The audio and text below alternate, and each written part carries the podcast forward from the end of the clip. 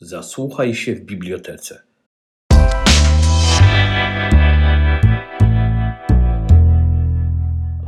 E, dzień dobry Państwu. Witamy w Sopotece na spotkaniu z panią Karoliną Kuszyk, e, autorką książki po niemieckie. Spotkanie odbywa się w ramach cyklu Czarne Fakty, e, który jest dofinansowywane w ramach budżetu miasta, z budżetu miasta Sopotu.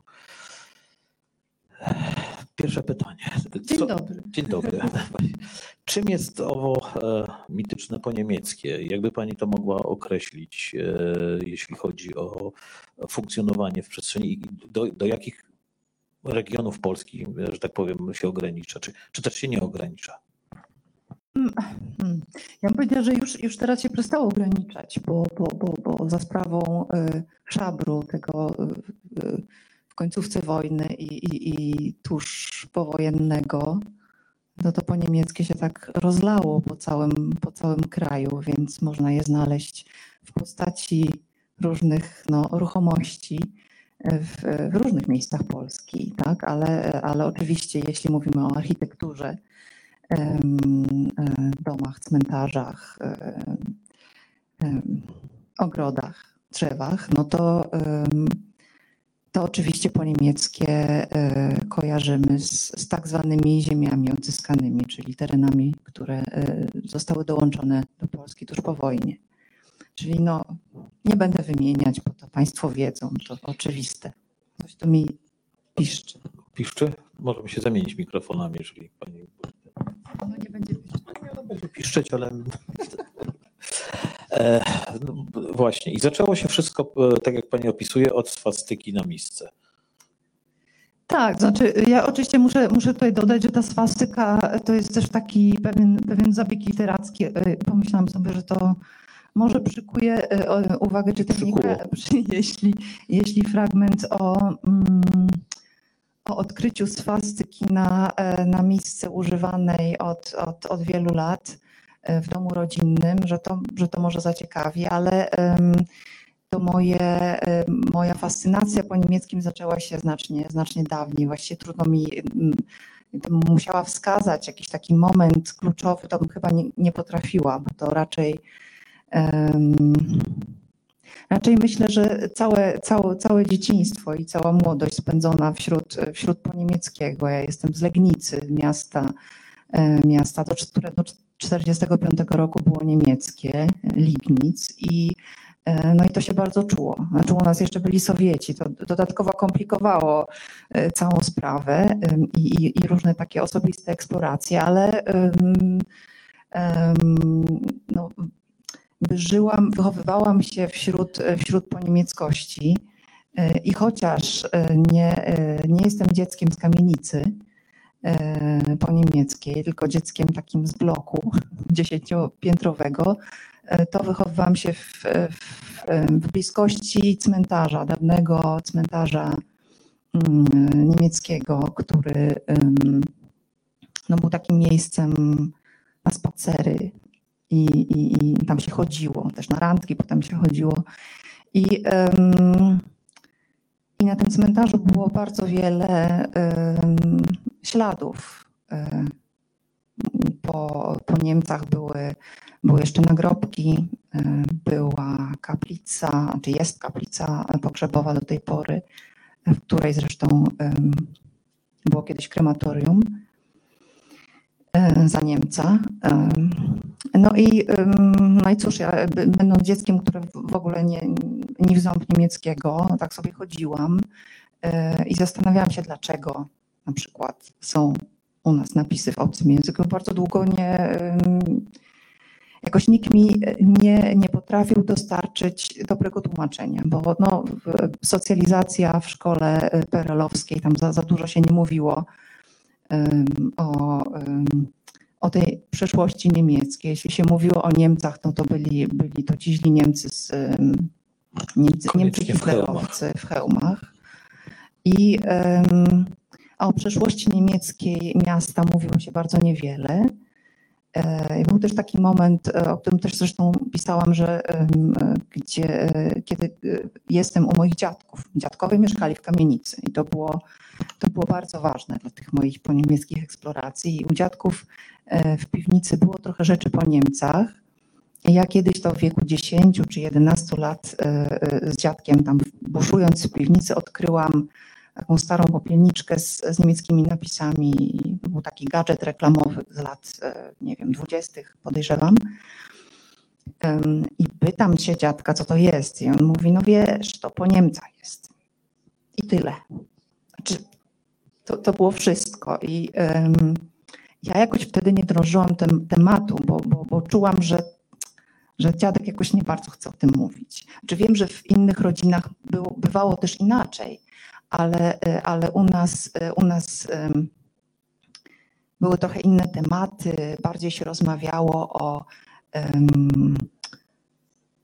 o wschodzie, o Lwowie, o tym, co, bo akurat moja rodzina ze strony ojca pochodzi spod Lwowa, oni zostali przesiedleni i, i o tym się więcej jakoś rozmawiało. Natomiast nikt nie mówił o tym, że, że, że ten krajobraz, w którym myśmy się znaleźli, został ukształtowany obcą ręką. I, e, no i to był taki, e, to był impuls, znaczy to, ta tajemnica po, po niemieckości do, do tego, żeby tematem, e, tematem, tematem zająć się, zająć się, no tak powiedzmy bardziej szczegółowo. A wydawało mi się, że, że jest trochę luka na rynku, bo um, jest sporo prac na temat takiej, na temat dziedzictwa e, e, niemieckiego na polskich ziemiach, ale dziedzictwa takiego, no powiedzmy, wielkogabarytowego, tak, czyli y, kościoły, pałace, zamki. Bardzo dużo jest publikacji na temat, na temat na przykład e, pałaców na Dolnym Śląsku. Ale mnie, znaczy ja, ja w ogóle chciałam przeczytać coś, co byłoby ro- rodzajem takiej syntezy, jak zwykli ludzie próbowali poradzić sobie z tym, co po Niemcach zastali. Czyli właśnie z domami, z, z z rzeczami, z przedmiotami codziennego użytku, ale również z cmentarzami, bo one też, e, one też miały jakiś swój przekaz. E, No i tak, e, tak, tak to się stało, że zajęłam się po niemieckim. No, pisze pani, że to, znaczy, cy, cy, cy, cytując e, historyka niemieckiego, że poprzez przedmioty dokonało się w jakiś sposób to po- pojednanie i pani też pisze, że zaczęła właściwie od tych przedmiotów i jakby też ten temat on przechodził przez różne fazy, tak? Bo, bo na pewno było trudno, e, tak jak pani napisała, tym pierwszym e, repatriantom, osadnikom, jakby to nie nazwał, to mm, ich nie nazwał, to, to jakby mierzyć się z dziedzictwem jednak wroga, tak? Z którym niedawno, że tak powiem, e, walczono. Jak, jak, jak, jak, jak pani, że tak powiem, do, tego też podchodziła i, i z jakimi em, reakcjami się pani spotykała, zbierając materiał do książki? Co było, czy były jakieś trudne momenty? Znaczy, hmm, tru- najtrudniejsze było oczywiście spisanie tego wszystkiego, bo, bo, bo same, same rozmowy były niesamowicie ciekawe i e, to jest, e, to jest najfajniejsza rzecz właśnie w takiej pracy, że, że, że można trochę pojeździć po Polsce i spotkać e, e, różnych ludzi, którzy a to właśnie mieszkają w poniemieckich domach i mają jakieś tam swoje, swoje własne odkrycia, a to dotarli do przodków, znaczy do, nie przodków, akurat, do poprzedników, czyli byłych mieszkańców e, swojego obecnego domu, e, czy to e, z, poszu- z poszukiwaczami skarbów też rozmawiałam. Bardzo ciekawe, bardzo barwne środowisko. Bardzo zresztą też takie męskie, to dość, dość trudno było się przebić, przebić do nich, no ale powiedzmy, że, że wywiad mam. I bo ja wiem, e, najtrudniejsze, tak jak mówię, było, było spisanie tego wszystkiego i chyba e, chyba oczekiwanie na reakcję, na reakcję czytelników, bo nie byłam, do samego końca nie byłam pewna, czy to, co ja opisuję, jest aż tak uniwersalne, czy rzeczywiście jest to przeżycie formacyjne, bo tak mi się wydawało, że, że, że życie wśród poniemieckiego uformowało nas, e, nas dzieci ziem odzyskanych w cudzysłowie, w różnych pokoleniach i w pokoleniu tych pierwszych osadników i przesiedleńców e, wypędzonych ze wschodu i, i w tych pokoleniach kolejnych. I każde z tych doświadczeń wyglądało trochę inaczej, zależnie od pokolenia, bo tak jak, tak jak Pan wspomniał, to pierwsze, ci pierwsi osadnicy, przesiedleńcy, którzy musieli zmierzyć się z tą obcością po niemieckiego, oni oni tak naprawdę mieli trochę inne problemy. To znaczy, oni e, najpierw się musieli zmierzyć z traumą i e, e, wypędzenia, przesiedlenia, z traumą radzenia sobie z wojną i jej skutkami. Musieli urządzić sobie nowe życie, natomiast te, te dylematy, że coś było po niemieckie, czyli wrogie, czyli obce, czy nawet budzące obrzydzenie, no bo należące do, do, do wroga. Jest motyw, który pani wspomina, że niektórzy wymiatali tą Niemczyznę, czy zrywali tapety, że te oddechy tam wsiąkły w ścianę i musieli się pozbyć tego. Tak, tak, no był taki impuls, żeby pozbyć się, pozbyć się tych e, widomych znaków i niewidomych też e, e, po Niemcach, zrywanie tapet, tak jak, tak jak Pan mówi, malowanie ścian na biało, żeby, żeby, żeby sobie od nowa urządzić.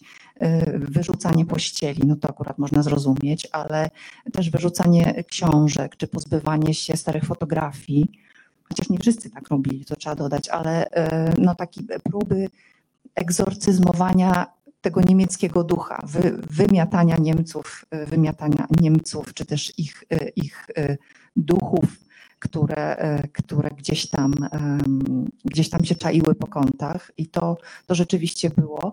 Mm, ale już na przykład kolejne pokolenia, prawda? To, to pokolenie e, e, drugie, wychowywane e, w latach, nie wiem, 60., to za bardzo z Niemcami już do czynienia nie miało. No. I, te, I tak, jak, tak jak pisał ten historyk Gregor Tum, mm, właściwie ich spotkanie z Niemcami odbywało się poprzez przedmioty, czy poprzez to, co co ci Niemcy pozostawili. Ja sama, ja jestem rocznik 77 i e, ja sama nie pamiętam żadnych spotkań z Niemcami aż do, do jakiegoś roku 90, 90, bo ja wiem, może trzeciego, czyli już po przełomie e, chociaż jestem przecież z niemieckiego miasta. Znaczy, ja, ja, widziałam różnych Niemców na, u nas e, spacerujących sobie po, po mieście, ale, y, ale no jednak wychowywana zostałam, wychowana zostałam w duchu, no może nie nienawiści, ale no raczej niechęci do, do Niemców. Czy, czy, czy oni tam byli sobie ze wschodu, czy z zachodu, to już wszystko jedno, ale to, to, to jest ta niechęć dziecka wychowanego na czterech pancernych, tak?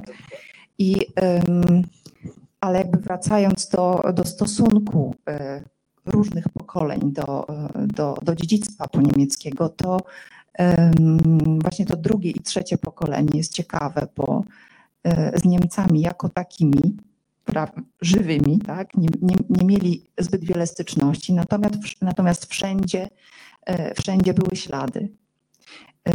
I do, do, do, do, do tej trudności radzenia sobie z poniemieckim dochodzi jeszcze to, E, że no oczywiście mieliśmy propagandę antyniemiecką i propagandę e, powrotu na swoje, tak? czyli świętowaliśmy powroty do macierzy, na prastare piastowskie ziemie i um, to był rodzaj pewnej schizofrenii, myślę, takiej zbiorowej. Um, I um, zajmowanie się po niemieckimi przedmiotami, czy też pewna fascynacja, którą, którą niektórzy, niektórzy odczuwali, czy też rozwijali w kontakcie z tymi przedmiotami, no ona była taką, e, bo ja wiem, taką pokątną rozkoszą, bo to było chyba niezbyt mile widziane wtedy. I e, Może w tym był taki urok zakazanego trochę. było, by- było coś takiego w tym. I e, e, oczywiście byli od samego początku, tuż od po wojnie, ludzie, którzy zbierali. Natomiast ja, e, czy, czy no tacy profesjonalni kolekcjonerzy, natomiast ja mówię raczej o takiej e, fascynacji naiwnej, to znaczy em, odkrywanie, e, odkrywanie tego, że o, ktoś tu pił z mojego kubeczka, tak jak, jak w bajce. Em, I ja sądzę, że ta, ta fascynacja była wspólna e, właśnie wielu pokoleniom. Może nieko- niekoniecznie właśnie w pierwszym pokoleniu była ona wyczuwalna, ale, ale drugie, trzecie, już ja myślę, że dla trzeciego pokolenia, czyli już, już mojego i, i nawet kolejnego, te po niemieckie sprzęty, które, które ludzie mają w domach, kieliszki, meble, że one trochę przestały być niemieckie. To znaczy, em, chcę to dobrze wytłumaczyć, że, że one, się, one się stały dla nas rodzinnymi pamiątkami, dlatego że e, my ich, my ich niemieckości właściwie nie, znaczy nie zdawaliśmy sobie często z niej sprawy, czy też e, może nie była ona dla nas ważna. I bardzo często, gdy rozmawiam z czytelnikami, pojawiają się tego typu komentarze, że o tutaj pani Karolino, przychodzi do mnie pani, pokazuje mi zdjęcie jakiejś tam miski na komórce i mówi, tak, tutaj miska, prawda, po niemiecka logo jest, ale dla mnie, wie pani, to była miska, to jest miska po mojej mamie, a nie jakaś tam niemiecka. No niemiecka ona jest, ale przede wszystkim jest to miska po mojej mamie i bardzo wiele, e, wiele, e, wiele tego typu reakcji e, e, słyszałam. Albo, albo na przykład pewien pan opowiadał, że mm, jak, e, jak zaczął czytać po niemieckie, to tak się zaczął rozglądać po swoim domu i miał w tym swoim domu wiele pamiątek po babci. No ale jakoś ta babcia zawsze mówiła, że to wszystko ze wschodu jest. I on tam się niespecjalnie tym e, jakoś to kwestionował. E, No ale patrzy na obraz, patrzy, obraz, patrzy na obraz ostatniej wieczerzy.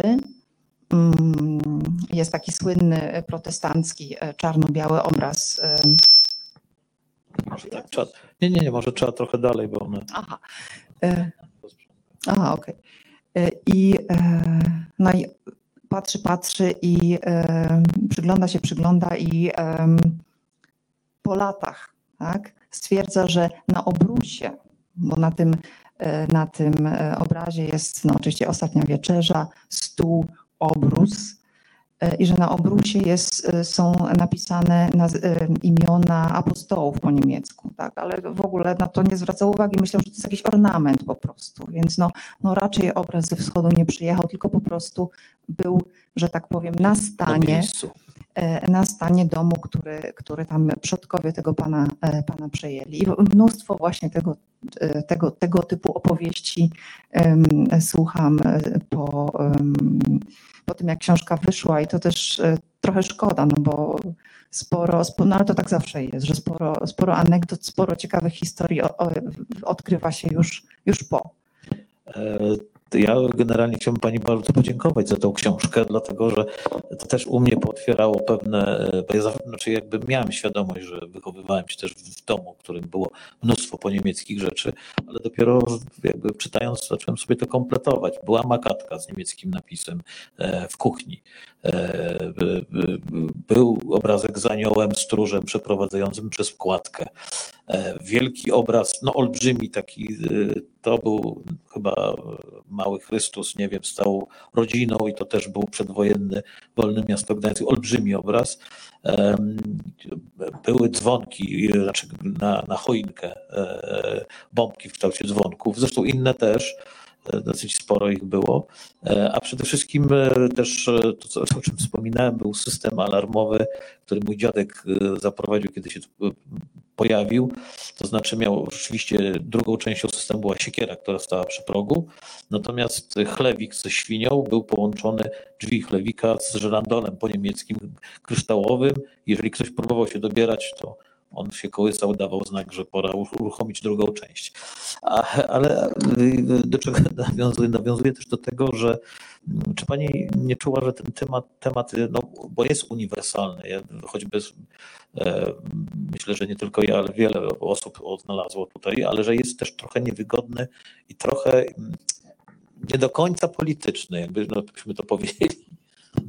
Tak, no, znaczy to, to, to też dobrze pokazuje um, reakcja, znaczy, czy, czy dobrze pokazują reakcje części prasy um, i takich różnych forów, y, głównie prawicowych, po ukazaniu się książki, chociaż mnie się, mnie się wydawało, że ją pisałam w duchu takim jednak koncyliacyjnym, że, że, że czy nie miałam politycznej agendy, nie chciałam pisać, napisać książki ku pojednaniu Polaków i Niemców, bo w ogóle to już nie są te czasy, jak sądzę. E, bo teraz są, e, wydaje mi się, że przyszły bardziej czasy na mikrohistorię, czyli, czyli no historię e, konkretnych ludzi, konkretnych przedmiotów nawet i, i, i przyglądanie się, się, się im z bliska. No ale oczywiście były takie głosy, że o tutaj nawet się pewien, pewien pan przyczepił, że tutaj Kuszyk ma, ma miskę ze swastyką w domu, że jak jej nie wstyd w ogóle tam pisać, że oni tam kutie mieszają, że on to by to potłukł, ale potem zobaczyłam skąd ten człowiek jest i okazało się, że on był z Krakowa. Czyli może, znaczy ja nie, nie chcę go usprawiedliwiać, bo to takie dość, dość naiwne y, y, y, widzenie sprawy, to byśmy tutaj musieli no, wyburzyć chyba wszystko, no bo jak? No tu apoteki akurat nie, bo nowe jest. No, ale do pnia można by było tak. Prawda? E, no więc, więc, więc to było, to było, to, to jest dość, dość symptomatyczne takie dla, dla, dla pewnej części um, pewnej części prasy, ale to, to, było, to były ewidentnie um, reakcje y, ludzi, którzy książki, książkę tak przewertowali, nie przeczytali jej i um, że już dla nich chyba solą w oku było to, że że ja się zajęłam tym tematem, bo y, jak można pisać o Niemcach, czy, czy, czy, czy, w ogóle o tym, o tym całym temacie z, z empatią i pochylać się nad jakimiś widelcami starymi. Zresztą takie y, o widelcach to już rozmawialiśmy wcześniej, wspominałam to też pewien lewicowy polityk akurat z Niemiec mnie spytał, że w ogóle po co się pani tym zajmuje? Przecież to nikogo nie będzie interesować, to jakieś tam jakieś widelce zakurzone. A w ogóle to jeszcze powie, na samym początku, jak, jak z nim rozmawiałam, z owym lewicowym politykiem, to powiedział, że na pewno e, jest, że na pewno ja sympatyzuję z rewizjonistami niemieckimi, czyli ze Związkiem Wypędzonych i tak. Od razu, wiecie Państwo, od razu się uruchamia pewna narracja, w której też dorastaliśmy, że, że ten temat jest B, że, że lepiej tego nie ruszać, bo, e, bo coś można zepsuć. A, a ja sądzę, że, że, że, że, że nie. No. I, I wydawało mi się to ważne, bo, bo miałam takie poczucie, że, ten, że wielu osobom ten temat chodzi po głowie, ale jakoś nie jest do końca wyartykułowany. E, jeżeli jesteśmy już e, przy Niemcach i przy temacie Niemiec, no to e, Pani wspomniała, że książka jest tłumaczona w tej chwili na język niemiecki i że miała Pani już spotkania. Mieszka Pani generalnie w Niemczech. Jak tam, tam no, jak, jak, jak, jak Niemcy odbierają ten temat, przynajmniej na tle tych spotkań, które Pani odbyła? Muszę sprostować, bo ja mieszkam, ja mieszkam i w Berlinie, i na Dolnym Śląsku. Przepraszam. Nie, że się już całkiem przeniosłam, przeniosłam tam. Niemcy, ja myślę, że Niemcy są tematem e, zainteresowani, szczególnie oczywiście ta grupa no, wypędzonych, no, to już jest takie pokolenie odchodzące, prawda, ale tych, którzy jeszcze pamiętają wypędzenia i ich, i ich potomków, oni rzeczywiście są bardzo zainteresowani. Dostaję dużo maili z pytaniem, no kiedy już będzie ta książka, bo już wiemy, że w 2019 wyszła po polsku, to kiedy w końcu będzie, będzie po niemiecku i to, to, to, to, to mnie cieszy. Um, ale jest też, znaczy ja mam takie odczucie, że w Niemczech wciąż panuje um, taka narracja, że Polacy przyszli i zniszczyli. Tak?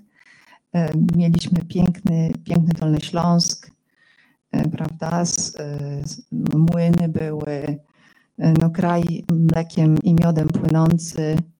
Potem przysz, przyszli ci Polacy poniszczyli, zmarnowali, co się w części zgadza. Prawda? I to jest jasne. Wie, wiem, wiemy, jak było, wiemy, jak tutaj gospodarowano, ale też, też wiemy, że nie jest to takie proste, że, że, że, że przyczyny tej dewastacji były rozmaite, również psychologiczne i, i, i, i związane też z poczuciem tymczasowości, tym, że, że, że, że, że, że ludzie myśleli, że jednak wrócą na wschód e, i czy, czy Niemcy, Niemcy wrócą i, i odbiorą, więc lepiej się, się nachapać ile, i, i, jak długo się da. Teraz wątek zgubiłam. Nie no, mówiliśmy o odbiorze przez A tak, o właśnie, o właśnie.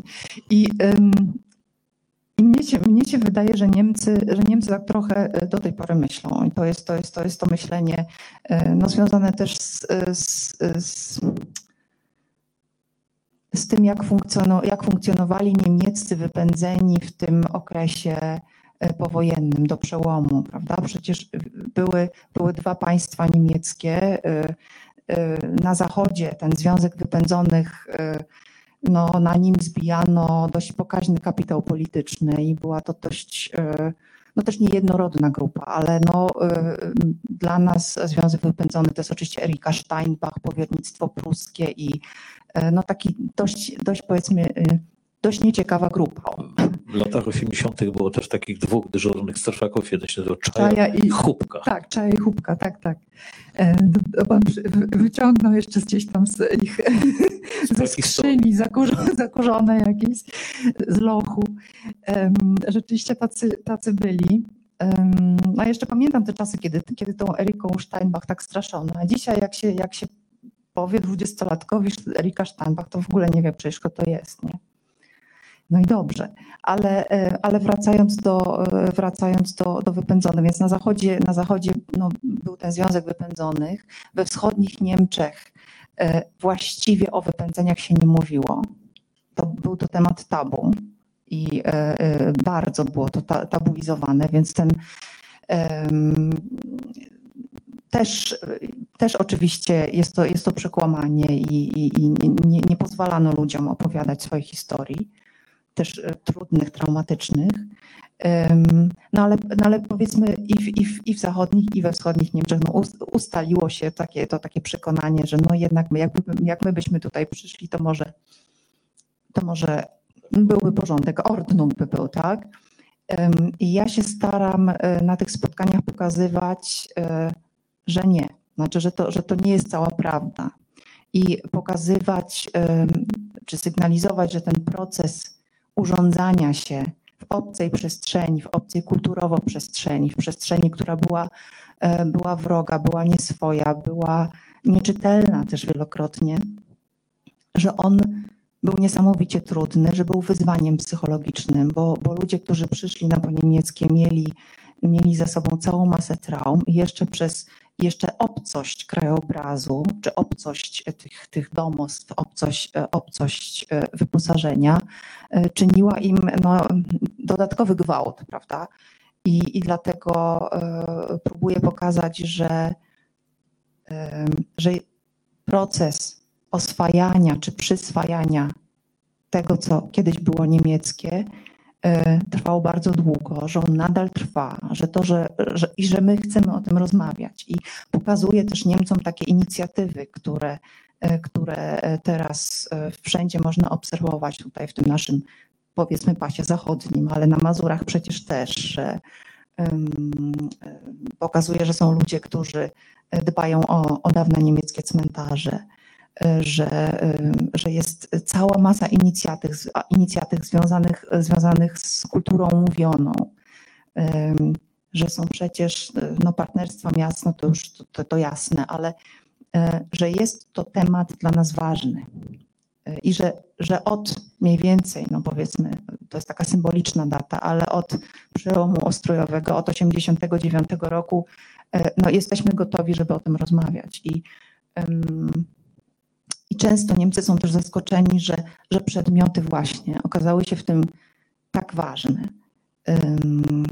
I ten Gregor Tum, którego Pan wspomniał na początku, taki niemiecki historyk, który e, napisał, slawista też napisał świetną książkę o e, oswajaniu Wrocławia pod tytułem Obce miasto. Ona jest przetłumaczona bardzo dobrze też na polski.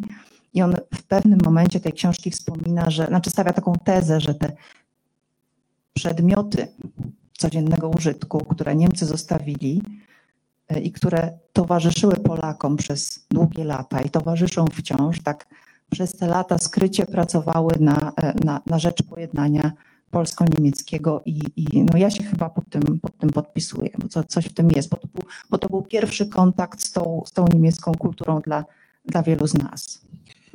Skoro jesteśmy przy teoriach, to ja chciałbym nawiązać do tego, co pani napisała. No, absolutnie fascynującego rzecz, znaczy dotyczy tego pierwszego okresu powojennego, kiedy w zasadzie dużo osób, znaczy generalnie odbywała się tam szaber, tak, kradzież. Najpierw armia radziecka, ale też e, potem specjalne grupy, potem no każdy tam coś e, e, wynosił i że to nie zniknęło, tylko eksplodowało w stosunku Polaków do państwa, jakim, było, jakim był PRL, że ta taka nieczułość na, na czy obojętność wobec mienia państwowego, czyli no cudzego, znaczy niczyjego, tak? I że można sobie wziąć to do, do domu, bo no bo mi się należy w jakiś tam sposób. I to, znaczy ja no, uważam, że to jest e, celne, tak, celne spostrzeżenie. E, I czy mogła Pani to rozwinąć?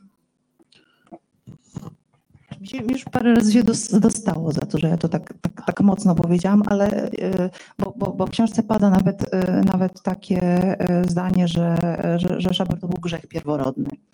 E, bo no, od Szabru trochę się wszystko zaczęło. Tak? Myśmy przyjechali, nie wiedzieliśmy ile zostaniemy, no to wzięliśmy się za szabrowanie i e, oczywiście upraszczam bardzo teraz na potrzeby naszej rozmowy, ale, no, ale tak, tak to jednak było i e, nawet przeczytałam, przeczytałam gdzieś, że burmistrz, znaczy nie, prezydent chyba tak już prezydent y, mojego miasta, Legnicy, jeden z pierwszych, y, z pierwszych prezydentów tak bardzo, y, tak bardzo szabrował.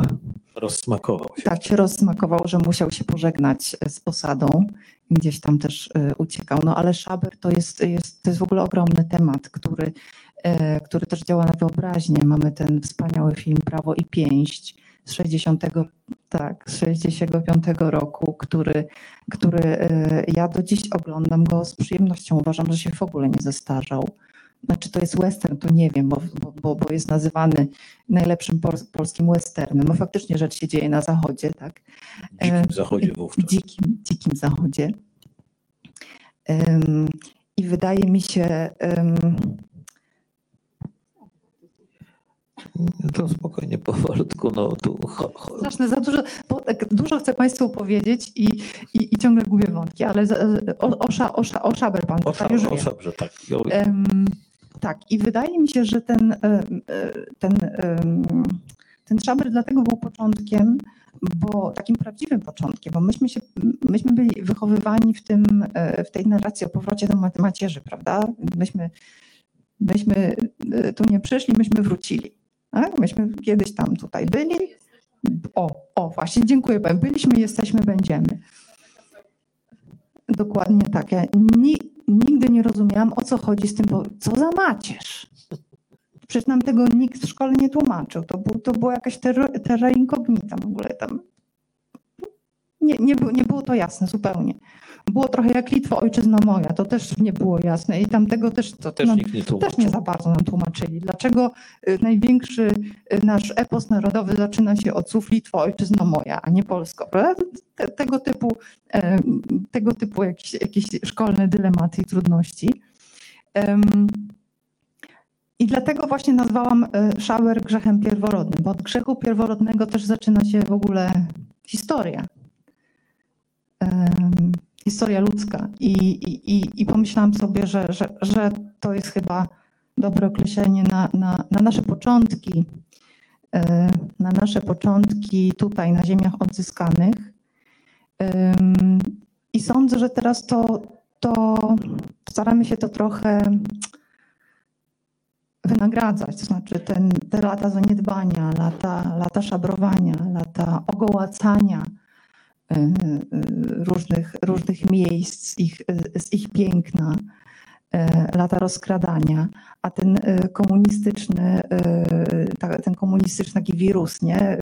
zabierania różnych rzeczy, łyżek z warów mlecznych, czy, czy, czy bo ja wiem o wszystkiego, książek z biblioteki też. A to się nie, to nie zmieniło się do Nie no, ale to, to rzeczywiście było niefortunne, bo myśmy mieli, bo mieliśmy trening w szabrowaniu już, a potem przyszedł ustrój, który tak trochę do tego, który to umacniał, prawda? Który tym to y, może nie umacniał, ułatwiał. O. Ułatwiał. O, i, I dlatego to było takie fatalne. Znaczy, I dlatego to chyba do tej pory trochę w nas siedzi, bo y, Zbierałam trochę takich historii o tym, jak, jak czasem ludzie okradają swoich pracodawców. Znaczy, ja wiem, że mamy trudne czasy i wielu ludzi jest na przykład na umowach śmieciowych, czy na jakichś niepłatnych, nieodpłatnych praktykach i tak dalej. No jednak wydaje mi się, że podkradanie kawy czy papieru toaletowego, które aż taki drogi nie jest, ma coś ma coś w sobie z tego, z tamtego szabrowania. Chociaż wtedy przecież ludzie szabrowali nie tylko, żeby się wzbogacić, ale po prostu z biedy, albo dlatego, że no jakoś się musieli urządzić w tych nowych... Czasami też, żeby przeżyć po prostu. Czasami, żeby przeżyć. Dokładnie. Właśnie. Teraz e, nawiążemy do innej rzeczy. E, jest Pani książce wiele fascynujących historii, które jakby są gotowymi gotowcami do, e, do napisania jakiegoś scenariusza, czy też e, no, dla mnie taką personifikacją ludzkiego losu są e, to, co Pani opisała, dzieje Jana sobie graja. Nie wiem, czy dobrze, czy dobrze jakby tutaj nawiązuje to no, opowieść, który, no, która jest absolutnie wstrząsająca, jeśli chodzi o, że tak powiem, dramatyzm i, i te zmien, zmienna kolejność, to, że on zaczynał swoje życie czterokrotnie, tak? Dobrze pamiętam właśnie. Mogę Pani też przytoczyć trochę, chociaż w skrócie, bo ta historia jest tak długa, że moglibyśmy tu siedzieć do rana.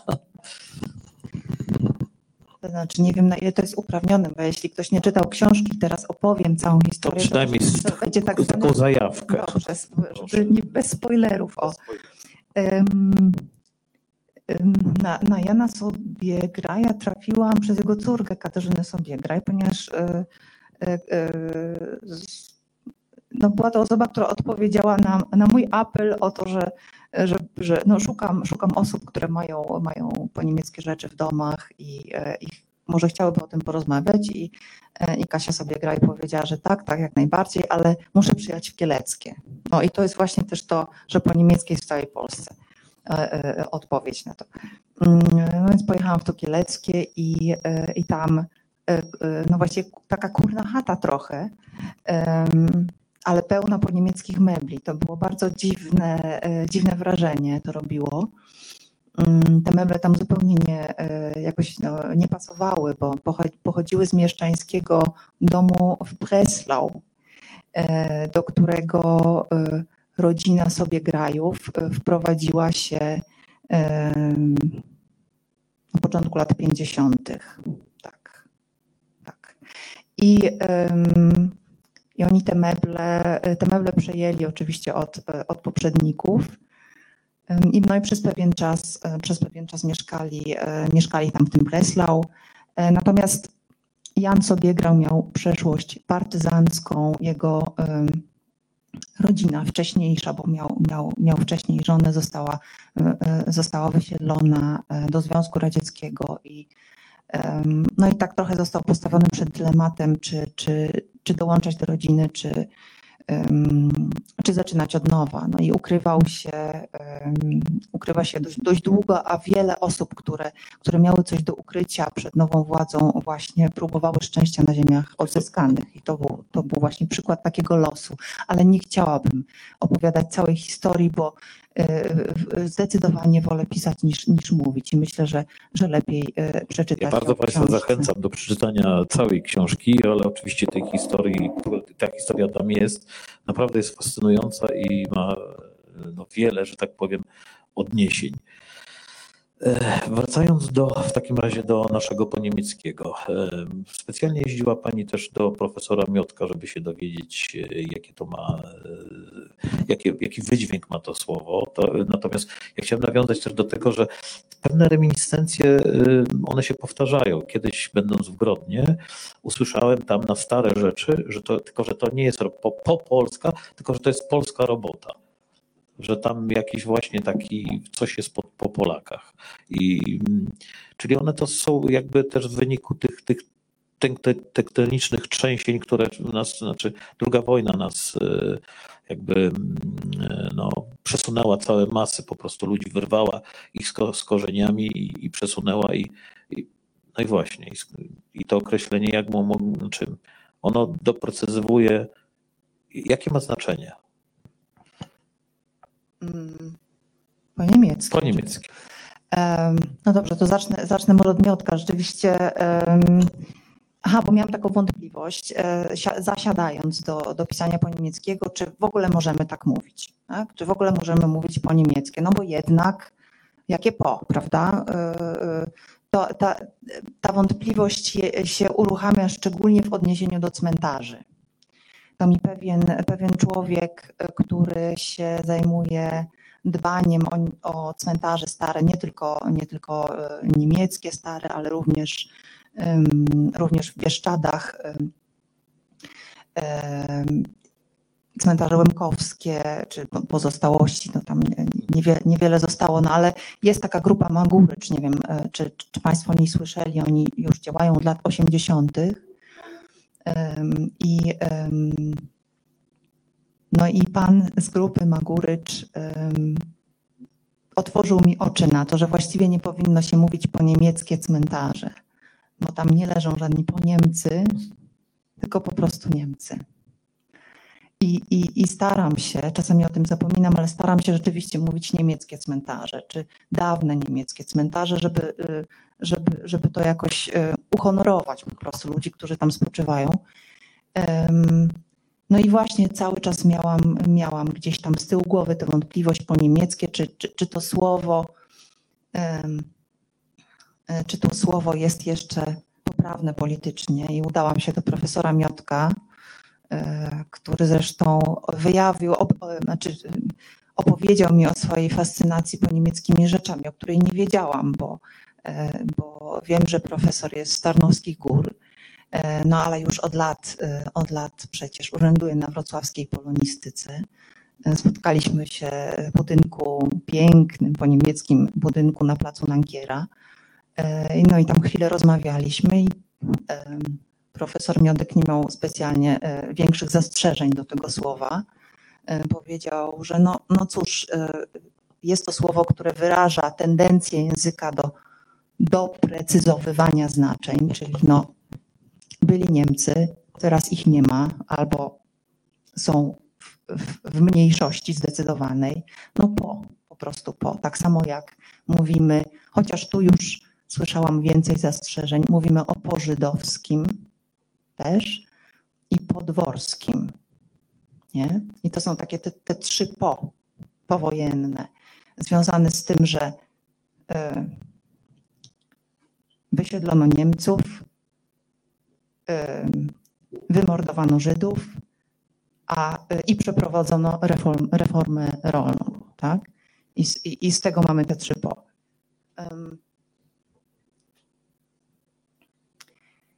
Ale jeszcze jest jakaś taka trudność, mimo wszystko, z tym słowem po niemieckie, wydaje mi się, bo ono, bo to jest neologizm czy też był to neologizm e, w, pod koniec wojny i właściwie ono zostało stworzone tak trochę na wyprzódki. Kiedy ci Niemcy właściwie jeszcze częściowo tutaj byli, czy byli już w trakcie ucieczki, czy no, wysiedlania. I to, to słowo trochę przykrywa stan, znaczy przykrywa e, różne incydenty, które e, wydarzały, wydarzyły, wydarzały się pod koniec wojny i, i, i, i tuż po niej. czyli no, ograbianie Niemców e, uciekających z ich dobytku. Jakie po? No, właściciel był, miał, nie wiem. W trakcie. No właśnie, więc, więc, więc to po, to, to, to jest nie do końca prawda. No ale powiedzmy, już się tak przyjęło i, i to konotacje tego słowa też się bardzo zmieniały, one tak ewaluowały i, i, i jak dzisiaj mówimy po niemieckie, nie wiem jak, jak, jak to jest dla Państwa, ale dla mnie to jest tak, że, że ja mam, że, że to słowo strasznie dużo dla mnie znaczy, w tym sensie, e, że ma też w sobie właśnie ten czar, który pamiętam z dzieciństwa, który towarzyszył mi właśnie tym eksploracjom gdzieś tam na cmentarzu czy w kamienicy, że to, że to nie, nie tylko jest nazwa jakiegoś tam stanu faktycznego, e, ale też ten cały bagaż emocjonalny, który się z tym wiąże, który jakby e, no, dotyczy mnie jako dziecka ziem odzyskanych, które musiało sobie poradzić z tym, że no na cmentarzu były jakieś dziwne nagrobki z napisami Ruhe Sanft i, e, i w ogóle nie wiedziałam, co to znaczy, nikt mi tego nie tłumaczył. I, i, i to, to dla mnie też jest w tym słowie. Nie? Niemieckie to jest własność. Po niemieckie można zabrać. Takie, dokładnie tak, dokładnie tak, dokładnie tak. I niczyje, bezpańskie tak? Czyli jesteśmy, jesteśmy w tym, dokładnie tak jak z pożydowskim zresztą, podworskim, nie? Jesteśmy, jesteśmy w sytuacji, kiedy odmawiamy temu drugiemu, Niemcowi, właściwie podmiotowości, bo on już nie jest panem tej rzeczy, nie jest właścicielem, czyli można zabrać. Odczłowieczamy. Wspominała Pani o swoim rodzinnym mieście, o Legnicy. E, no i zasygnalizowała Pani też ten problem, że to było po, po wojnie, miasto częściowo, e, znaczy, no właśnie, znajduje się tam teraz też są, można powiedzieć, poradzieckie, bo było miasto w mieście, mówiło się Mała Moskwa, zdaje się, tak? E, I to jakby też zawężało pewien jakby chyba okręg poszukiwań, bo tam nie można było wchodzić do tej części miasta, ale jak się w takim razie funkcjonowało? Czy no, w mieście, w którym przebywała też opcjonacja. Niekoniecznie, znaczy, właśnie to jest też, też ta sytuacja, to jest coś, coś, czego pani dotyka, takiej trudnej sytuacji, w której właściwie znalazła się Polska i Polacy, bo z jednej strony podobno wybraliśmy, wygraliśmy wojnę, ale stacjonowały u nas obce wojska, które podobno nas wyzwoliły. W dodatku, w dodatku sytuacja była taka, że no, byliśmy państwem zniszczonym, narodem skłóconym. I, no i jak wyglądało to, to? Czy było jakieś, że tak powiem, no, jak to powiedzieć, koegzystencja? O. Tak, e, pisałam rozdział o domu po niemieckim i czym w ogóle, co to jest dom po niemiecki i z czym nam się kojarzy, jak go można zdefiniować, czy to jest dom polski, czy jest niemiecki, czy to jest w ogóle jakaś hybryda. E, to tak przyglądałam się e, e, znaczeniom słowa dom w różnych wspomnieniach wojenno-powojennych i w, w jednym z listów list pisała matka, matka do syna, który wracał z wojska. Pisała synu, my już nie we własnym domu, my jest, jak było, nie jesteśmy już we własnym domu. Jesteśmy w Polsce komunistycznej. Ja parafrazuję, bo nie pamiętam dokładnie słowo w słowo tego cytatu, dlatego cytuję z pamięci. I, e, no i rzeczywiście e, tak to było, ale to też jest, e, to też jest sądzę, jeden z powodów, dla, dla którego po niemieckiemu tak źle się wiodło po wojnie.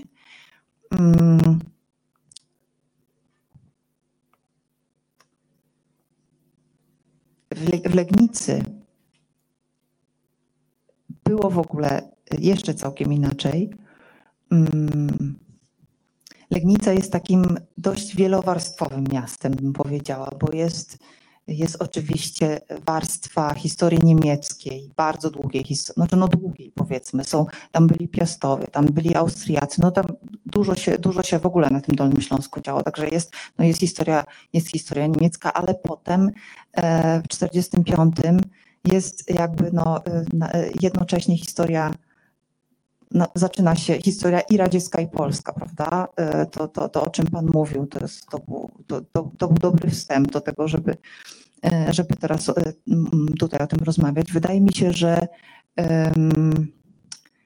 że to była dodatkowa trudność w czytaniu tego miasta, ponieważ nawet kod, że tak powiem, estetyczny był inny, bo, bo z jednej strony mieliśmy te, no, można by się tam kłócić, ale mi się one podobają, te, te e, niemieckie kamienice z, z przełomu wieków. Piękny teatr e, projektu e, Langhansa, tego samego, który projektował wrocławską operę. Piękny park.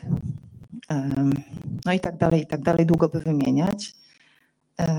No i na tym, powiem nieładnie, położyły łapę wojska radzieckie. Sporo wywiozły. Do tej pory nie wiemy, ile, e, ile wywieziono. Gdy w 1993 roku wojska radzieckie opuszczały Legnicę, to z lotniska wojskowego tam cały czas kursował samolot i nikt, nikt nie wiedział, co tam e, jest pakowane do tego samolotu. To akurat mi opowiadał taki em, nasz lokalny legnicki e, historyk em, Wojciech Kondusza, który napisał świetną książkę właśnie pod tytułem Mała Moskwa. Także no, w, w, Sowieci wywieźli i zrabowali całe mnóstwo poniemieckiego dobra, ale nie tylko Sowieci, bo przecież no, myśmy też do tego przykładali rękę, ale chcę, chcę jakby pokazać, że, em, że obcowanie w takim mieście było, no, było trudne, bo e, była ta po niemiecka, znaczy była niemiecka historia, były radzieckie rządy, no i ci Polacy tak, tacy trochę w tym wszystkim zagubieni, bo, em, bo przecież nawet em, już teraz nie pamiętam do którego roku, ale przez kilka pierwszych powojennych lat Legniczanie właściwie mieszkali na takim Zatybrzu, to znaczy jest taka dzielnica za Kaczawie, za rzeką Kaczawą. I tam z mocą decyzji radzieckich władz mieli mieszkać Polacy. Dopiero później, z czasem, em, Polacy sobie to miasto odzyskiwali. Teatr odzyskaliśmy dopiero w latach 60., jakoś w połowie lat 60., ale też wyczyszczony do cna.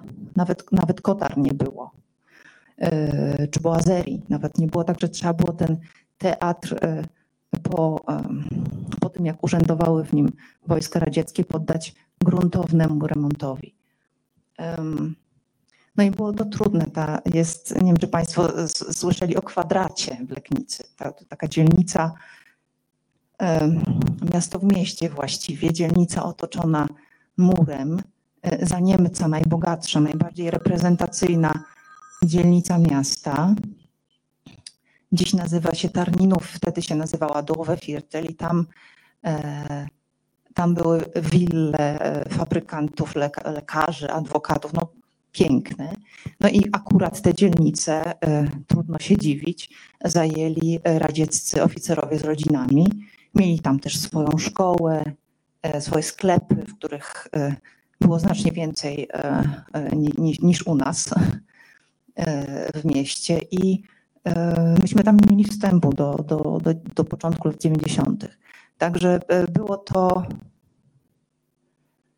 było to dziwne i to i do tego dochodzi jeszcze fakt, że przyjaźń była między narodami była lansowana, natomiast w ogóle nie była, nie była praktykowana na co dzień. Znaczy ja nie pamiętam żadnych kontaktów e, z radzieckimi, z radzieckimi dziećmi, oprócz tego, że kiedyś tam mieliśmy na 22 lipca uczestniczyć w, jak, w jakimś tam no, takim performansie, no, ale w ogóle nie, mieliśmy, nie rozmawialiśmy, nie, nie było między nami Czyli e, mur nie był, był nie tylko symboliczny. nie, mur był nie tylko symboliczny, chociaż, chociaż oczywiście spotykaliśmy się na ulicach.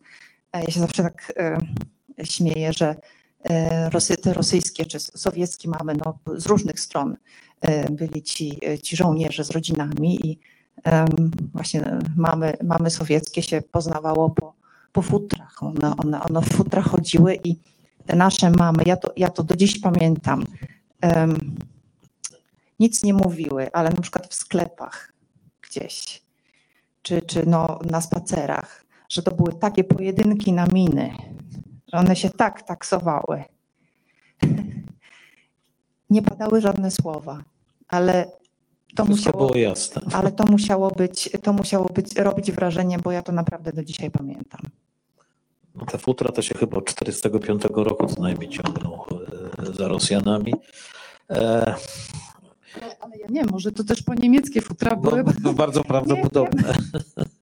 E, no, mamy teraz taką sytuację, że te niemieckie zostało, tak jak też pani pisze, w jakiś spo- sposób, no nie wiem, oswojone, ono jest przezroczyste. Nauczyliśmy się dbać o te rzeczy, e, upiększać też albo po- podkreślać to piękno, które e, w nich tam e, zostało, że tak powiem, zaprojektowane, wybudowane, czy też wytworzone. I właśnie, czy te, ta historia tego po niemieckiego ona się skończyła, czy ona trwa dalej, czy, czy co, co, z tym, co z tym będzie, jak, jak my się w tym mamy znaleźć, y, w tej historii jako Polacy, jako, jako po prostu no, w jakiś sposób no, spadkobiercy, tak można powiedzieć, pewnych, pewnych e, estetycznych i kulturowych e, e, zachowań, czy tam otoczenia. O. Ja często jestem pytana o to, co, co właśnie, co będzie dalej. Nie wiem, co będzie dalej, ale wydaje mi się, że, że trochę jesteśmy skazani na to, żeby się, żeby, żeby się tym tematem zajmować. Oczywiście on już pewnie nie ma takiego uroku świeżości, jak miał, jak miał kiedyś, bo, bo można mówić o wszystkim i, i nie, jest to, nie jest to żadne tabu. E, Ale e, sądzę, że pewnym wyzwaniem jest to, żeby e, młodzi ludzie w ogóle, e, no najprostsze, no żeby wiedzieli, że są takie części Polski, które do 1945 roku były, e, e, były niemieckie, bo wielokrotnie spotykam się w rozmowach też z nauczycielami często, czy aktywistami lokalnymi, słyszę takie opowieści, że No właśnie, tutaj próbowaliśmy z młodzieżą rozmawiać e, na temat regionalnej historii, na temat niemieckiej przyszłości e, i zebraliśmy dzieciaki, no dzieciaki tam powiedzmy 15-letnie e, na, na pogadance i pytamy ich, no czy wiecie, kto tutaj kiedyś mieszkał? Dzieciaki, dzieciaki patrzą na siebie, myślą, myślą i w końcu któryś mówi, Amerykanie? Tak, to z Dobroszyc akurat jest historia. Y, Nie wiem dlaczego akurat Amerykanie, może dlatego, że wszystko jest zamerykanizowane Amerykańskie teraz. teraz, i, i y, Amerykanie to potęga i, może dlatego im się wydawało, że może tu kiedyś. Także y, to, to do, dość często, do, do, dość często, często słyszę taki, taki lament nauczycieli, aktywistów, że bo oni nie wiedzą, bo oni nie wiedzą, z czym myśmy się tutaj musieli borykać. Mm, A to jest y, chyba dość wdzięczny temat, bo, e, bo właśnie można go opowiadać przez przedmioty, przez obiekty. I nie rozumiem, dlaczego, dlaczego, się tak, dlaczego się tego nie robi, dlaczego w ogóle historia regionalna jest tak. Niby tutaj mamy te y, małe ojczyzny i, i, i tak o nie dbamy, ale jednak w szkołach e, historia regionalna jest traktowana dość po macoszemu Z perspektywy Warszawy i Krakowa ona jest opowiadana. i wielkich bitew. Wielkich bitew, tak. a nie, a, a, a, a nie codzienności. Ta, ta codzienność jest, jest, jest słabo obecna chyba na, na lekcjach historii, więc, więc sądzę, że to, jest, e, że to jest to wyzwanie. E, Jakby więcej, ja bym optowała za po prostu więcej historii regionalnej e, w szkołach, ale e, temat będzie, e, temat będzie obecny, on nie zniknie i on cały czas u nas pracuje. I to koniecznie też jeszcze zapisałam sobie podczas podczas naszej rozmowy, bo chciałam o tym Państwu opowiedzieć. Są tacy ludzie, na przykład jak dwie, e, dwie kobiety z Gostkowa pod, pod Wałbrzychem, które właściwie nie mają żadnych krewnych w Niemczech, nie, nie mówią po niemiecku, nie, nie mają jakichś kulturowych tam koneksji, ale jedna z osób to jest matka i córka. I e, matka jest osoba w tej chwili już, nie wiem, prawie 70-letnia, o ile dobrze pamiętam. E, Matka obiecała, zaraz, żeby teraz nie pomylić, e, matka matki obiecała pewnej Niemce, która wyjeżdżała, e, czy, czy została wysiedlona, e, wysiedlona po wojnie, że będzie palić znicz tam na, na jednym grobie na cmentarzu, e, na cmentarzu ewangelickim w, tym, w tymże Gostkowie. No i ta, ta kobieta obiecała i potem już następczynie, następczynie chodziły, chodziły palić ten znicz. I w Gostkowie jest tak, że jak to jest wieś, jak Państwo są na, na takiej głównej osi, na głównej, głównej drodze, to z jednej strony jest kościół katolicki z katolickim cmentarzem, a po drugiej stronie jest ruina kościoła protestanckiego z ruiną y, y, ewangelickiego cmentarza. No, trudno się dziwić, no, no jednak y, jesteśmy narodem katolickim, więc no, że tak powiem, para poszła, nieładnie mówiąc, w ten, w ten, w ten cmentarz katolicki, ale protestancki tak zostawiono sobie. E, I te kobiety tam chodziły przez lata, zapalały świeczki, potem się kolejne pokolenie, pokolenie urodziło. Cmentarz oczywiście niszczał coraz bardziej, a jest piękny. E, kościół też tam kilka razy spłonął. No, takie historie, które znamy. I w pewnym momencie dziejowym, jakoś 2013 chyba, czy coś koło tej 2011, coś koło tego, gmina powiedziała, że my ten cmentarz sprzedamy. My go um, ekshumujemy, bo jest to, jest to możliwe, no i sprzedamy. Okolica jest, okolica jest malownicza i zrobili przetarg. I nazywało się nawet w ogłoszeniu, było napisane, że sprzedam tam e, e, teren rekreacyjno-wypoczynkowy. Oczywiście do, do żartów. Wypoczynk zdecydowanie. To, bardzo niewybredne żarty się od razu y, cisną na usta. I te kobiety, matka z córką, tak przywiązane do tego cmentarza, bo tam po prostu spędzało dużo czasu, do tego przetargu stanęły. No i go kupiły. No i teraz go mają. Po prostu, żeby mieć. I żeby żeby go ocalić. I to jest niesamowita historia, bo one to nie są jakieś, e, to, one nie mają na Kulczyk, e, czy jakoś tam Palikot, ale jednak stanęły do tego przetargu i kupiły cmentarz tylko po to, żeby, żeby go ocalić, założyły fundację i, i o niego dbają. Jest tam garstka pasjonatów, którzy przychodzą co jakiś czas, czyszczą płyty, sadzą kwiaty. Także myślę, że to jest taka historia, która, która daje nadzieję i też pokazuje, że, że po niemieckie cały czas na nas pracuje. Pracuje i myślę, że też w jakiś sposób odskłada się na świadomości i na, na jakimś rozpoznawaniu świata. Ja muszę się, nie wiem, czy chyba będę wstydzić, ale nigdy nie zdarzyło mi się zabłądzić we Wrocławiu, w Szczecinie. No w Legnicy byłem raz przejazdem, ale nigdy mi się w takim mieście nie zdążyło e, zabłądzić, natomiast w Warszawie dwa razy nie wiedziałem dokąd idę i gdzie, gdzie się znajduję. Jakby rozkład miasta prawdopodobnie, i to nie chodzi o średniowieczne, bo no Kraków też jest średniowieczny, tam też trudno się jakby zgubić, bo te założenia są jasne, no ale te miasta przecież się rozwijały głównie w XIX wieku, zupełnie inaczej niż te miasta e, no to w dawnym zaborze pruskim niż te, które, które były właśnie w kongresówce. Cóż chciałem się zapytać, czy Państwo mają jakieś pytania do autorki?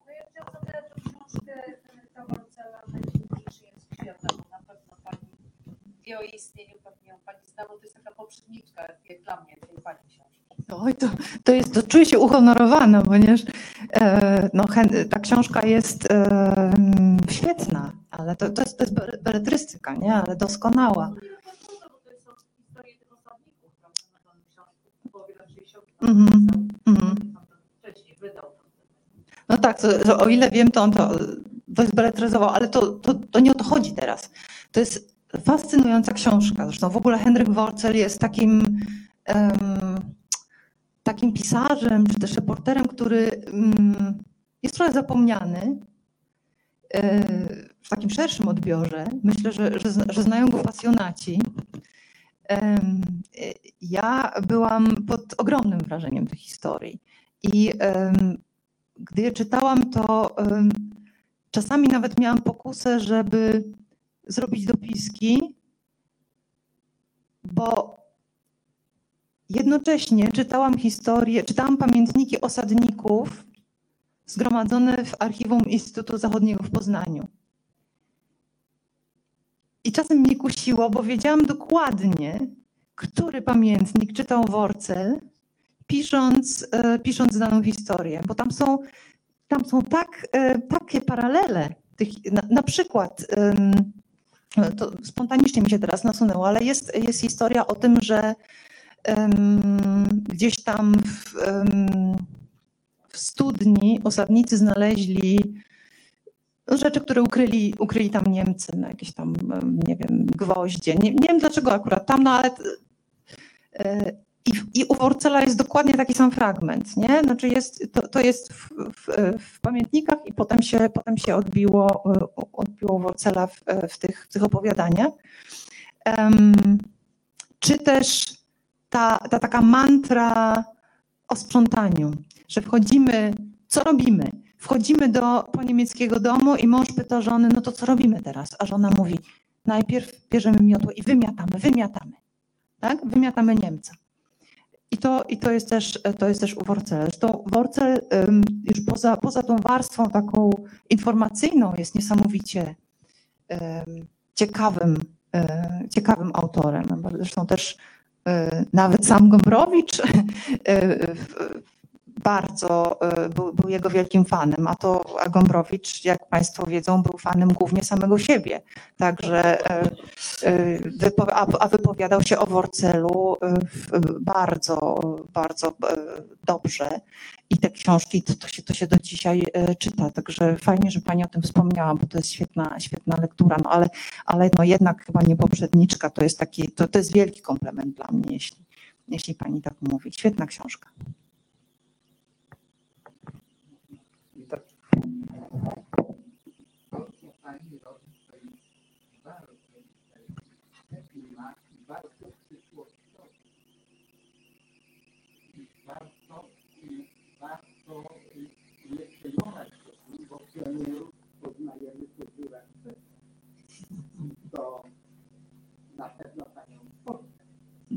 Ale no, ja osobiście wiem dużo na ten temat, ponieważ ja mam więcej niż 45 lat praktyki jako antykwarii. I to na terenie, i to tutaj na terenie, w tej chwili mam na dużym pobrzeżu antykwaria Gdańskiej na kanale Mosławy. To, no i te, te tematy, no po prostu no, mnóstwo rzeczy widziałem, ale dlaczego to jest takie ważne? Ponieważ temat był, temat jest, będzie. Ponieważ tego typu prześwietlenia dotyczą nie tylko Polski, nie tylko Grodzieńszczyzny, która rzeczywiście w celu zaokrąglenia chyba granica została nie została dołączona do PRL-u i nie tylko Europy, nie tylko Bałkanów, ale dotyczą również Afryki, Rahindżowie, Ameryki, i zarówno północnej, jak i południowej.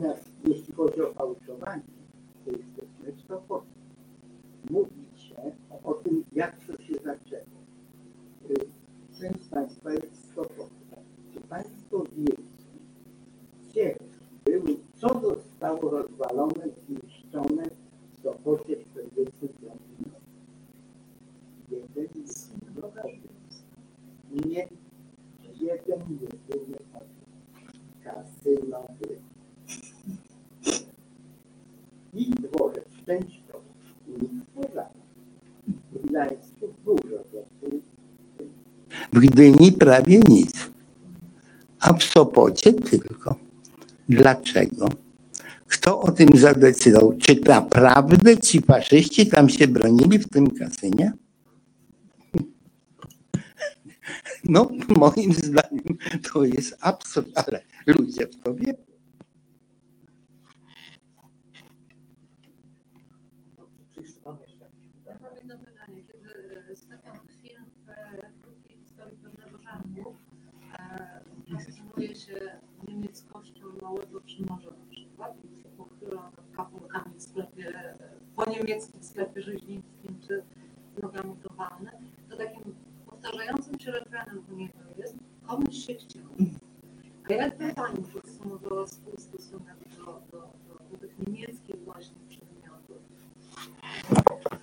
Bardzo dziękuję, że Pani o tym powiedziała.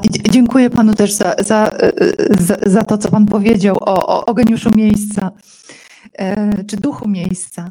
E, To jest, to jest historia e, godna rozwinięcia, myślę.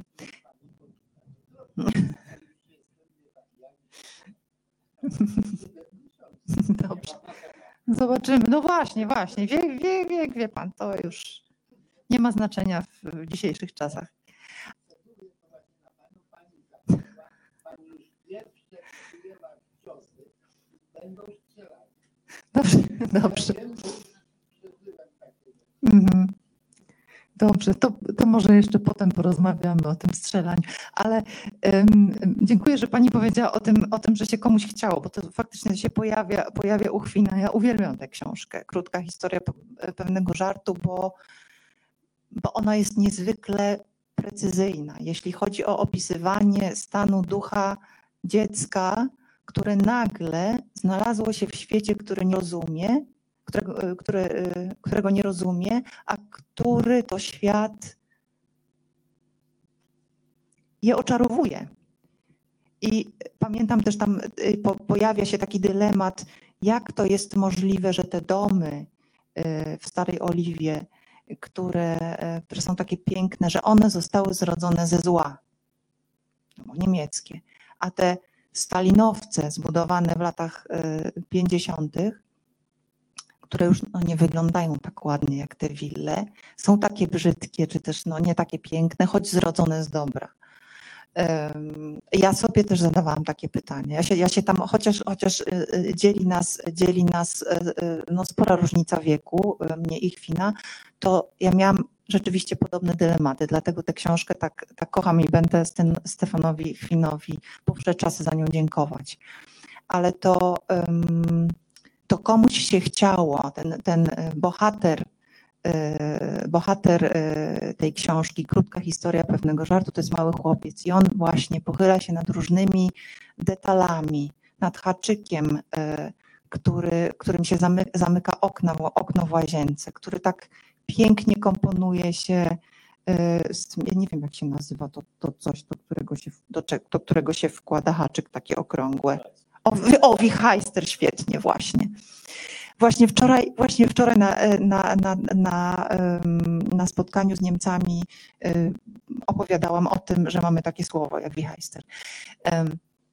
I że i, dziwi się ten, ten to bohater Chwina, że te, że te rzeczy, te detale są tak niesamowicie dopracowane, że komuś się chciało, że ten ktoś pomyślał o tym, jak człowiek będzie funkcjonował w tej przestrzeni.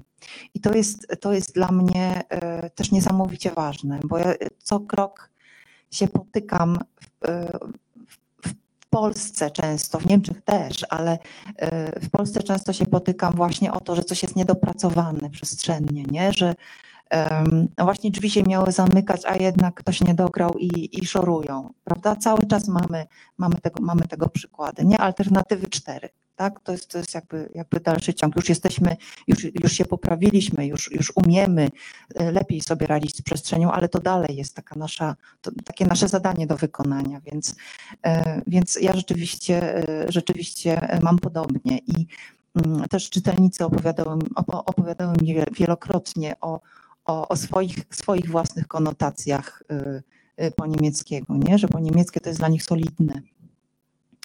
Coś, co działa. Na spotkanie, na moje pierwsze spotkanie w Legnicy przyjechał człowiek, on nie był z Dolnego Śląska, ale też gdzieś tutaj z pasa zachodniego, ze zdjęciem gofrownicy, starej, takiej żeliwnej gofrownicy i mówił, wie pani co, najlepsze gofry na tej po niemieckiej gofrownicy. ro- I, i, i, i, i mamy ten taki podziw dla, e, dla niemieckich narzędzi, no to ja też to od dziadka, e, po dziadku odziedziczyłam, bo on, bo on był takim majstrem i, i, i złotą rączką i z wielką atencją się zawsze o, o niemieckich narzędziach e, wypowiadał.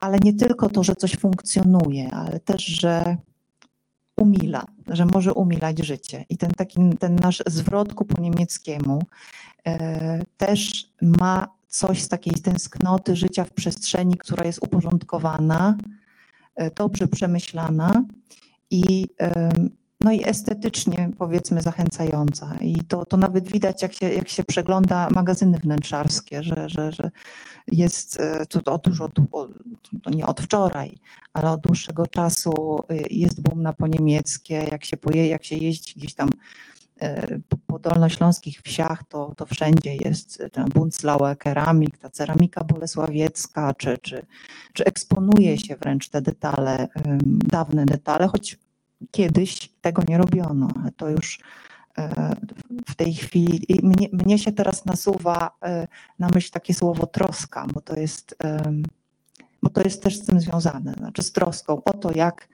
e, jak nam się żyje. e, w przestrzeni.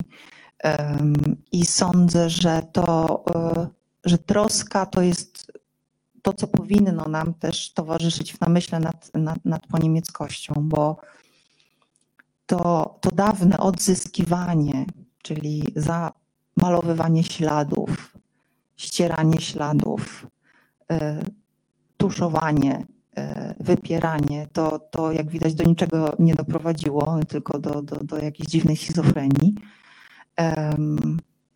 Moja mama od wielu, wielu lat e, e, re, reno, znaczy rem, remont, nie, jak to się mówi, renowuje, odświeża stare, stare, stare po niemieckie meble e, swojego czasu, jak jeszcze nic nie było w sklepach, to takie pierwsze te, e, jakąś tam komutkę kupiła od, od kogo w Legnicy się kupowało?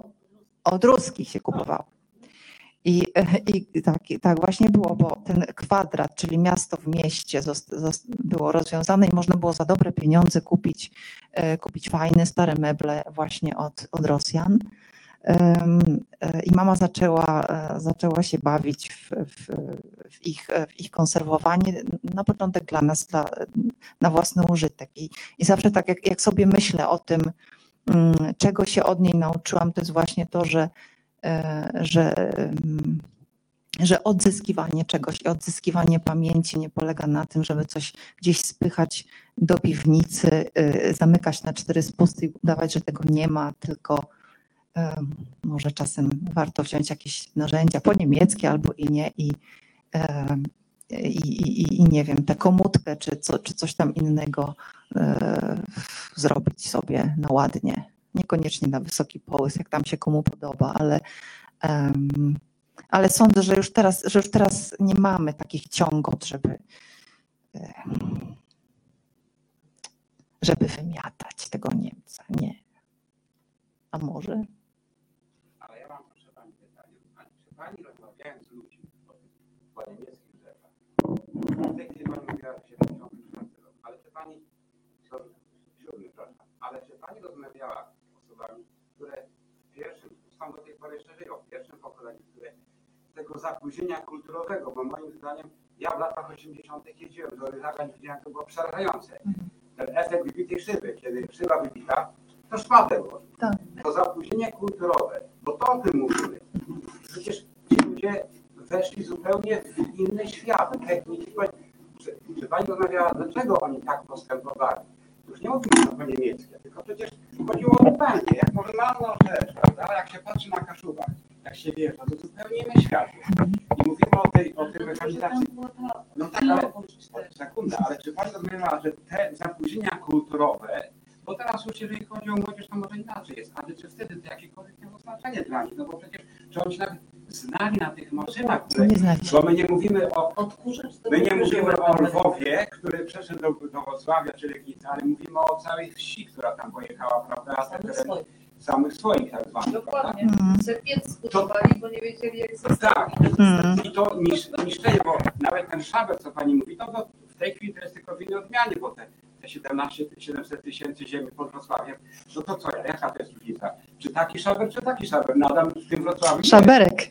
To jest tylko szaberek, no. A więc chyba są jakieś, dlatego chodzi o to, czy pani z nimi rozmawiała, dlaczego oni, czy też następcy ich nie robili czegoś takiego, tak wynikało tylko z psychiki ich takiej, a nie innej, no bo to, no, o, o to mi chodzi. Tak, wie pan, wie pan to, jest, to, jest, to jest niesamowicie ciekawy temat. Ja nawet mam, mam kilka przykładów z własnego podwórka, ponieważ e, moja babcia, która pochodziła ze wschodu, em,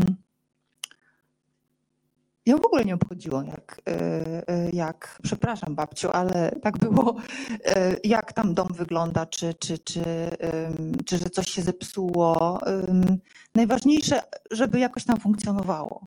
I, i było, było bardzo dużo prowizo- prowizorki w tym, w tym gospodarowaniu mojej, znaczy mojej części rodziny, tej wschodniej. E, Bo moja, moja część rodziny, ta pochodząca ze wschodu, e, osiedliła się w Sobótce pod Wrocławiem. Oni tam dostali naprawdę kawał e, ziemi, wielkie, wielkie stajnie, jakieś pomieszczenia gospodarcze, no było nieprzebrane. I, i, I tak naprawdę to oni, oni, wspomniał Pan o maszynach. E, Większość osadników nie wiedziała, do czego co służy, ponieważ e, e, maszyny tego typu widzieli po raz pierwszy, e, po raz pierwszy w życiu. Zresztą nie tylko Polakom się tak działo, bo proszę sobie wyobrazić, że e, nad Odrą byli byli w czasie wojny robotnicy przymusowi z Francji, gdzieś tam z Wogezów i, i pisali listy do domu, że e, o tym, jak, jak, jakie są wspaniałe e, właśnie pomieszczenia gospodarcze i nawet elektryczność jest gdzieś tam w Sodole, czego, czego oni w ogóle nie znali. Ale, ale ten skok cywilizacyjny, cy- cywilizacyjny który, który no musieli wykonać e, e, przybysze, przesiedleńcy ze wschodu, e, był niesamowity i przede wszystkim to onieśmielało, bo oni raz, że z, drewnianego się wmurowane musieli, musieli przenieść. Wiele wsi wyglądało dla nich e, jak miasta, bo tylko dlatego, że były murowane. I e, wielu też przytłaczał ogrom.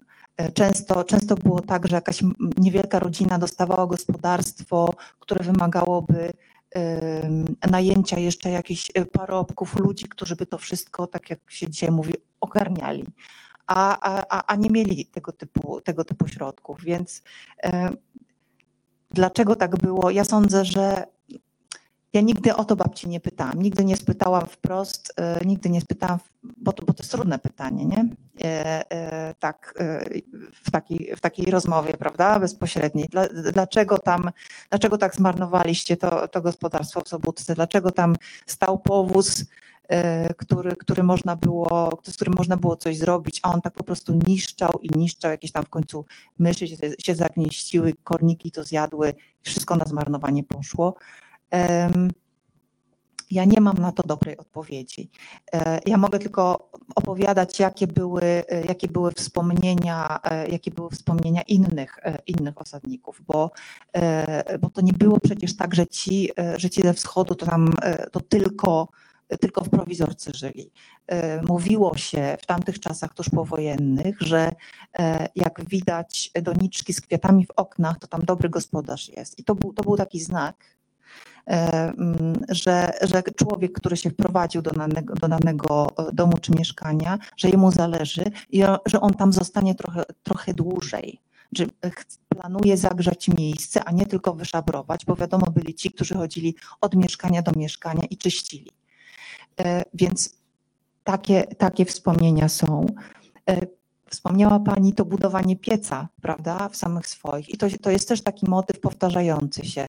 Ale ja w tym widzę akurat coś pozytywnego, bo okej, kresowiacy nie znali tych angielek, y, tych, tych, tych, tych takich piecyków, tak, które, które, które zastawali w, w poniemieckich domach, ale, o, ale próbowali, y, próbowali stworzyć przestrzeń własną, odtworzyć to, co znali. Więc ja bym akurat budowania pieców nie, nie czytała jako, jako znaku barbarzyństwa jakiegoś kulturowego, tylko nie, nie nawiązuję do tego, co, o, czym, o czym Pan wspomniał, tylko do prób oswajania tej przestrzeni i jakoś u, u y, profesor Traba zawsze mówi o, o tym, że to jest umojanie, że pró- próbowali, próbowali em, stworzyć e, czy też reprodukować to, co znali ze wschodu.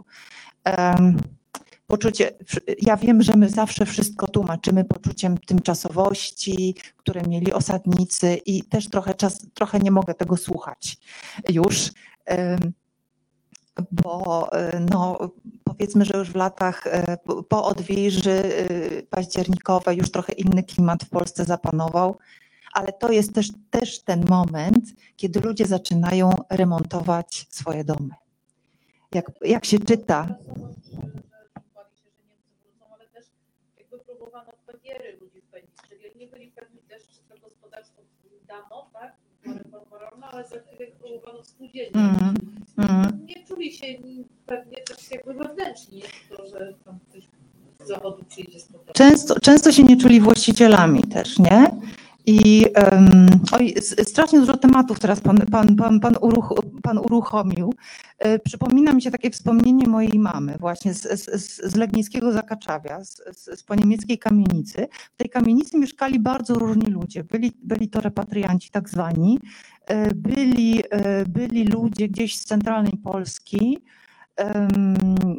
bardzo, bardzo, no taki, taka, no, mm, przekrój, y, y, przekrój ówczesnej Polski. Ba- Bardzo, z bardzo różnych stron pochodzili, a jednak potrafili się dogadać, y, żeby ym, urządzili dyżury, kto kiedy, bo to nie było jeszcze wtedy żadnych dozorców i tak dalej, kto kiedy sprząta klatkę schodową, kto kiedy myje okna, czyli dbali o wspólną przestrzeń, łącznie z, łącznie z, z tym, z podwórkiem. I to było, to było przestrzegane. I w pewnym momencie jakby przestali. I mama do tej pory nie wie, dlaczego się tak stało, ale przypuszcza, że to był ten sam moment, w którym dwie ulice dalej, e, ogródki takie przed kamienicami, e, otoczone kutymi płotkami, w, w, w, że to był ten moment, w którym władza miejska zadecydowała, że tych ogródków nie będzie, niczego nie będzie, tak? I się tam, się tam po prostu, nie wiem, tam asfalt położyli, czy, czy tam nie ma nic, tam jest po prostu pustać. Do tej pory. Więc nie tylko, nie tylko ludzie, że tak powiem, sami z siebie, ale też ten przykład szedł trochę z góry. Ten przykład szedł trochę z góry. A jeszcze wracając do Wrocławia, bo tak zawsze mówimy, że we Wrocławiu było tylu, ty, tylu czy jest y, ty- Lwowian, prawda? A em, i no oczywiście jest, y, jest, ale y, tamten odsetek ludności wiejskiej po wojnie był ogromnie duży. Już ja ja mam strasznie słabą pa- pamięć, pamięć do liczb, więc teraz, teraz nie rzucę Państwu żadną liczbą, ale to jest też ten powód, dla którego właśnie urządzano w, w łazienkach e, sobie tam kurniki, e, czy, czy w jakichś składzikach na podwórkach e, trzymano świnie, no bo to, jest, to była ta rzeczywistość, którą, e, e, którą, którą ci ludzie znali. No, oni po prostu reprodukowali e, e, rzeczywistość wiejską. No było, była, było to też związane z aprowizacją, prawda, i problemami, problemami jakimiś takimi no, natury, natury no właśnie aprowizacyjnej, ale to prowadziło tego typu mieszkanie, tego typu gospodarowanie przestrzenią prowadziło do tego, że no to niszczało. No jak wygląda, jak wygląda łazienka po tym, jak dwa lata w niej kury urzędowały? No nie najlepiej, tak?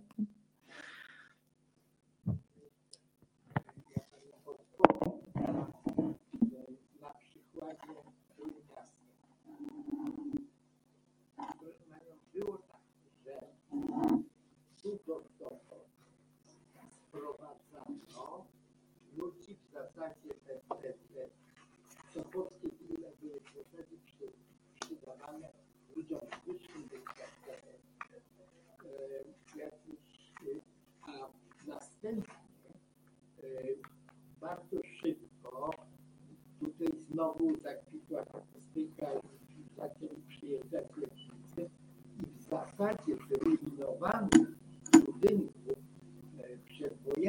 e, w.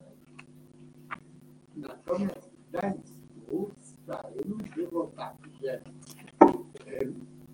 tych makietach, które budowano na miejscu spalonego e, centrum, to dawano je młodym małżeństwom z dziećmi. To było główne kryterium.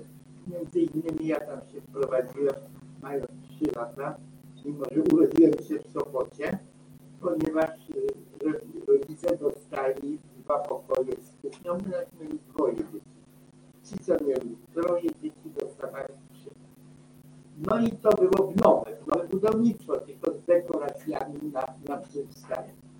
Natomiast niedaleko była zupełnie niezniszczona dzielnica Dolne Miasto.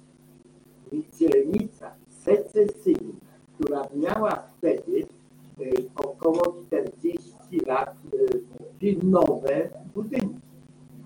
Tylko ponieważ secesja była uważana wtedy za brzydactwo i coś okropnego, to tam wprowadzili, do tej dzielnicy dawano tam mieszkania właśnie takim różnym podejrzanym. Ym, Kryterium było, było właśnie odwrotnie, nie to co w Sopocie, tylko brak wykształcenia. Jakiś, no i skutek jest taki, że tam tak, a to była dzielnica bardzo bogatych, y, przecież tam bardzo bogaci Niemcy mieszkali, bogatsi niż ci, którzy mieszkali na głównym mieście, bo główne miasto to mamy mnóstwo zeznań tych Wancygerów, z tą uciekły, to wyglądało tak jak dzisiejszy Torun. Odmalowane z wierzchu, a wejść, niech ktoś spróbuje wejść na zaplecze tam, co, co tragedia. znaczy, I wspólny wychodek.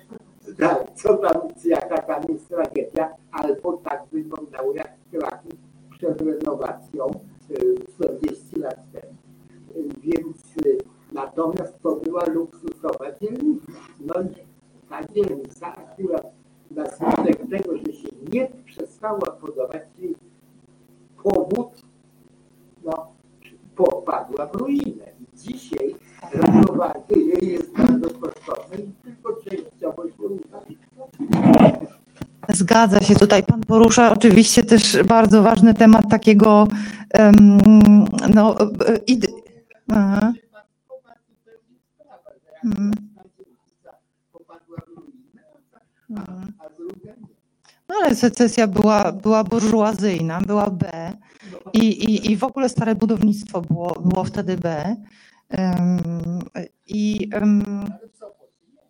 no, no tak, ale generalnie, generalnie no nie, nie, było to, nie było to nic. Stare budownictwo nie, nie było tak jak teraz czymś, do czego się aspiruje, prawda? To raczej, raczej, raczej e, ludzie chcieli, chcieli do, do czystego nowego bloku ze sypem i, i innymi e, z osobną toaletą i, i, i, w- i udogodnienie, udogodnienie. Jak myśmy się wprowadzili do tego budynku na Starym Mieście, tam jeszcze była kuchnia węglowa. Mimo, że to był zupełnie nowy budynek. Dopiero po jakimś czasie y, został doprowadzony gaz i, i się zmieniało. Centralne już było od początku, ale była jeszcze kuchnia węglowa i Mhm. Ja bym chciał zakończyć, spuentować to taką informacją, dlatego że jeden z cytatów, który pani tu umieściła, mianowicie fragment piosenki Szli na zachód e, osadnicy, e, to, e, że tak powiem, duet, który to stworzył jest zupełnie wyjątkowy, że tak powiem, dlatego że Jacek Kasprowy, to jest pseudonim Konrada Łapina, który mieszkańca Sopotu, który, Polak, Polaka, który urodził się na Litwie, ale Kowieńskiej i do 1945 roku nie posiadał obywatelstwa polskiego. Zjawił się tutaj dopiero po 1945. Natomiast autor muzyki, Henryk Hubertus Jabłoński, urodził się przed wojną w Gdańsku jako Helmut, e, Hen, tak, Degler Mhm. e, w mieszczańskiej rodzinie niemieckiej, więc zupełnie po niemiecki cytat. No proszę. Bezwiednie. E, Dziękuję Państwu za spotkanie, dziękuję autorce. Czekamy na następną książkę.